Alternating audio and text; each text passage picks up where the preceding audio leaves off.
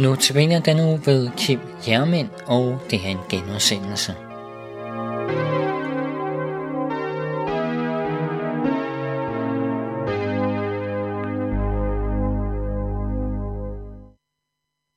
Her på den sidste dag skal vi nu kigge fremad. Vi har set på, hvordan det hele øh, startede, og vi har set på, hvad der er Guds redningsplan. Det betyder at kigge fremad og se på det, som er målet, endemålet øh, for Guds store redningsplan. Fremtiden er ikke, at Gud opgiver sit skaberværk og evakuerer sit folk til himlen. Fremtiden er, at Gud erobrer og evaderer jorden, at Gud Jesus kommer til denne jord og gør alle ting nye. Fremtiden er, at Guds rige til slut kommer og fylder jorden med himmelske tilstande. Men hvis det er målet, hvad er så vejen og rejsen frem mod det?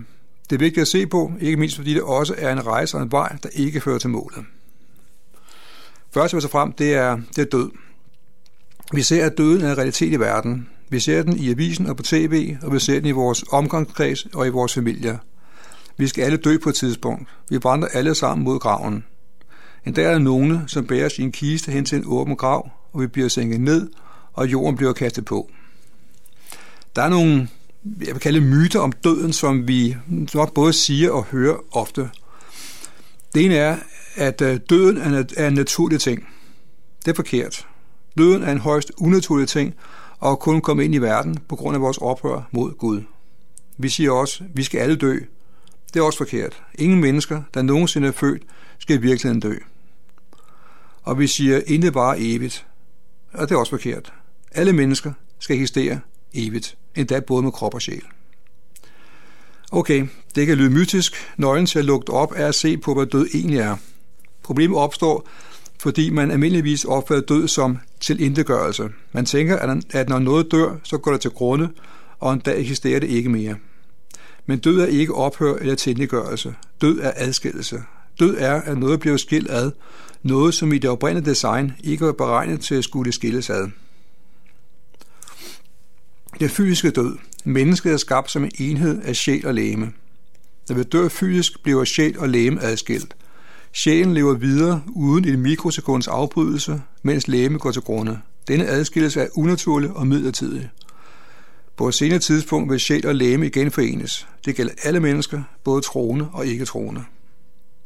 Det fysiske, fysiske død er også en skillevej. Her er livet vandrer troende og ikke troende sammen. I familie, i vennekredsen og på arbejdspladsen.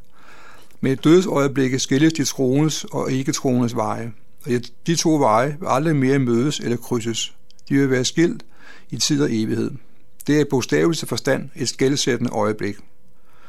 Det vil vi se på de to veje og starte med den ikke-troendes vej. En ikke-troende er en menneske, som ikke har Guds ånd og derfor er åndelig død. Når død indtræffer, bliver denne tilstand permanent og uigenkaldelig. Der er ikke længere mulighed for at høre evangeliet, og derfor ikke længere mulighed for at blive reddet. I dødsøjeblik adskilles læme og sjæl. Læme går til grunde, sjælen lever uhindret videre og kommer i dødsriget, hvilket ikke er det samme som helvede. Overgang er momentan, og sjælen er ved fuld bevidsthed. Dødsriget er et midlertidigt sted, hvor personidentiteten er intakt. Sjælen er personens jeg, som fortsat er i besiddelse af bevidsthed om sig selv og omverdenen, og har erindring, intellekt, sanser og følelser. Dødsriget er hverken et godt sted eller et neutralt sted. Dødstrid er Guds straffested. Det er en del af Guds straf over de oprør, som selv vil være Gud i stedet for Gud. Straffen for oprør eller myteri er hård. Det har den været hele historien, og det er den ikke desto mere, når det er myteri mod universets skaber og konge. En ikke-troende skal også opstå fysisk. Sjæl og læme skal en dag igen forenes. Den opstandelse sker i forbindelse med dommedag. I umiddelbar forlængelse af dødsridet ligger helvedet. Det er det permanente opholdssted efter dommen. Man kan nemt få den tanke, at det er djævlen, som styrer og regerer i helvede, mens Gud regerer i himlen. Men sådan er det ikke. Gud regerer over alt. Husk også, at Gud er skaberen, mens djævlen bare er et skabt væsen, en falden engel. Helvede er ikke djævelens residens eller torturkammer, det er derimod Guds straffested. Helvede er et sted, hvor Gud indkapsler alt ondt. Jesus er den i Bibelen, som oftest taler om og advarer imod helvede. Selvfølgelig fordi han er den, der bedst ved, hvad det egentlig er. Han siger for eksempel, at komme i helvede til den udslukkelige ild hvor deres mad ikke dør og ilden ikke slukkes. I helvede vil lidelsen fortsætte uden nogen ende. Der vil ikke være nogen mulighed for at undslippe. En forfærdelig og skræmmende tanke. Så kommer naturligt spørgsmålet, hvordan kan en kærlig Gud gøre det? Svaret er, at Gud er kærlighed, men også har mange andre egenskaber, som vi så i starten. Han er også 100% retfærdig, derfor må han straffe oprørerne. Men han har straffet sin egen søn for at skåne oprørerne, men hvis oprørerne lader hånd om dette store offer og muligheden for frit lejde og benådning, så må de selv bære hele straffen. Så vil vi kigge på, på det troendes vej frem mod den nye jord. En troende er en menneske, som har Guds ånd, der har fået et nyt hjerte, og det evige liv er allerede begyndt. I dødsøjeblikket adskilles læge og sjæl, og læge går til grunde. Sjælen lever derimod helt uhindret videre, og i dødsøjeblikket så tager Jesus imod sjælen. Sjælen er ved fuld bevidsthed hele tiden, og overgangen til et liv med Jesus er i himlen er øjeblikkelig. Nogle steder i Bibelen bruges udtrykket, at en død sover. Det er et udtryk for, at det ser sådan ud, men der er ikke noget med søvn at gøre, eller at sjæl i en periode skulle være i en bevidstløs tilstand. Himlen er et midlertidigt opholdssted, hvor mennesket er i en unaturlig tilstand, nemlig med sin sjæl adskilt fra lægemet. Men det er et sikkert sted, og det er et godt sted. Kun gode og lykkelige ting ligger foran. Og det allervigtigste er, at vi nu, ligesom i paradis, har uhindret adgang til Gud. Vi har meget tættere og rigere fællesskab med Jesus, end vi kan have her på jorden. I himlen er vores personidentitet også intakt. Sjælen er vores jeg, som fortsat er i besiddelse af bevidsthed om sig selv og omverdenen, har erindring, intellekt, sanser og følelser. De troende skal opstå læmeligt, når Jesus kommer tilbage til jorden.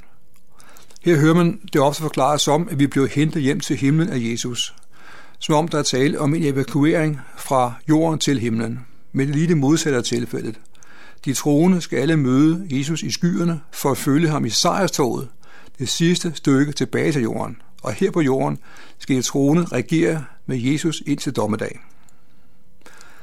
Endemålet er, at Gud efter dommedag fuldfører sin redningsplan ved at genoprette paradis her på jorden og skabe en ny himmel og en ny jord. I slutningen af Bibelen, Johannes åbenbaring, står der, og jeg så en ny himmel og en ny jord, for den første himmel og den første jord forsvandt, og havet findes ikke mere. Hvordan vil der så være på jorden, her på jorden, i den nye tidsalder? Jeg prøver at trække frem, at vi kan læse om det, hvad angår mennesker, naturen, Gud og livet i almindelighed. Livet på den nye jord. Alt ondt vil være væk. Al ledelse og død vil være væk. Der står også i Johannes åbenbaring, han vil tørre bære tårer deres øjne, og døden skal ikke være mere. Og heller sorg, og heller skrig, og heller pine skal være mere. Så det, der bare før, er forsvundet. Der er ikke længere mulighed for synd. Det gamle hjerte er helt væk. Her er kun det nye hjerte, som er født af Gud, og som derfor kun vil, hvad Gud vil. Synd, oprør, det var en mulighed i paradis, og det gik jo galt, som vi hørte om, men det vil ikke være en mulighed på den nye jord. Alle mennesker vil have en total, perfekt fred med Gud, andre mennesker og sig selv. Det vil være et liv, som på mange måder minder om livet i denne tidsalder. Vi skal fortsætte med både at underlægge os og at nyde skaberværket, som det har været meningen lige fra starten af. Det betyder, at vi skal arbejde, holde fri, spise, feste osv. Det får også betydning for naturen. Det er meget klart, at selvom det alene var mennesket, som går oprør, så trækker vi hele skaberværket med i faldet. Naturen blev præget af jordskæl, tsunamier, oversvømmelser, meteornedslag osv. Og dyrene blev også underlagt lidelse og død. Det vil alt sammen ophøre, og naturen vil blive genoprettet og fornyet til en tilsvarende herlighedsstatus. I glemte af den nye natur og menneskets relation til den ses her. Det er citat fra Isaias bog. Ulven skal bo sammen med lammet, panteren ligger sammen med kidet, kalve ungløse græsser sammen, en lille dreng vokser dem. Koen og bjørnen bliver venner, deres unger ligger sammen, og løven æder strå som oksen. Spædbarnet leger ved slakkens hule, det lille barn stikker sin hånd ind i hugormens hul. Vi skal også få nye læmer. Vi, vi, vi skal genopstå og få, for, for, for, for, sige, vores sjæl og læme skal forenes, men det bliver nye læmer. Jesus fik et kvalitativt nyt læme. Det gamle læme blev forvandlet til et, der er nyt i kvalitet, art og væsen. Hvad der ligger muligt og stået i det, kan vi nok slet ikke forestille os. Vi får dog nogle små hints om det de 40 dage, hvor Jesus er på jorden mellem opstandelsen og himmelfarten. Han bestemmer selv, om han vil være synlig eller usynlig. Han kan føle sig momentant fra sted til sted, og han kan gå direkte gennem lukkede døre.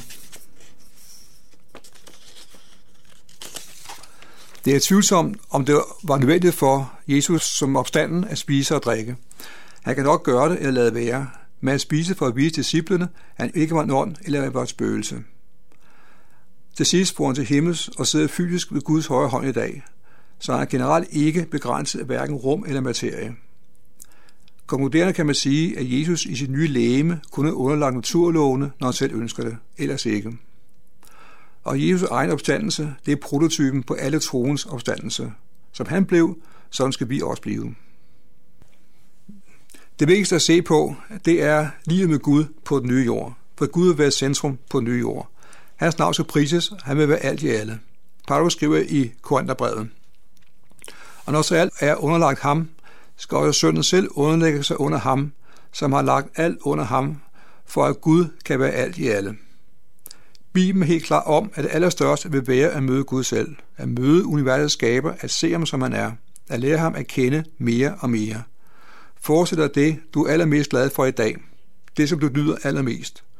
Gang det så med tusind eller bare en milliard, så har du, hvordan det er at møde og opleve Gud ansigt til ansigt. Og da han er uendelig, og vi er endelige, så vil det tage os en evighed at lære ham at kende. Vi skal prise Jesus for det, han har gjort for os. Vi vil først på det tidspunkt for alvor forstå, hvad det betyder. Og vi vil være ham dybt taknemmelige hver dag. Vi skal give ham æren for skaberværket og for vores redning. Han får æren, vi får glæden. Og sådan vil det fortsætte uden ende. Det vil vare til evig tid. Når der er gået en million år, så er der ikke færre dage tilbage, end da vi begyndte.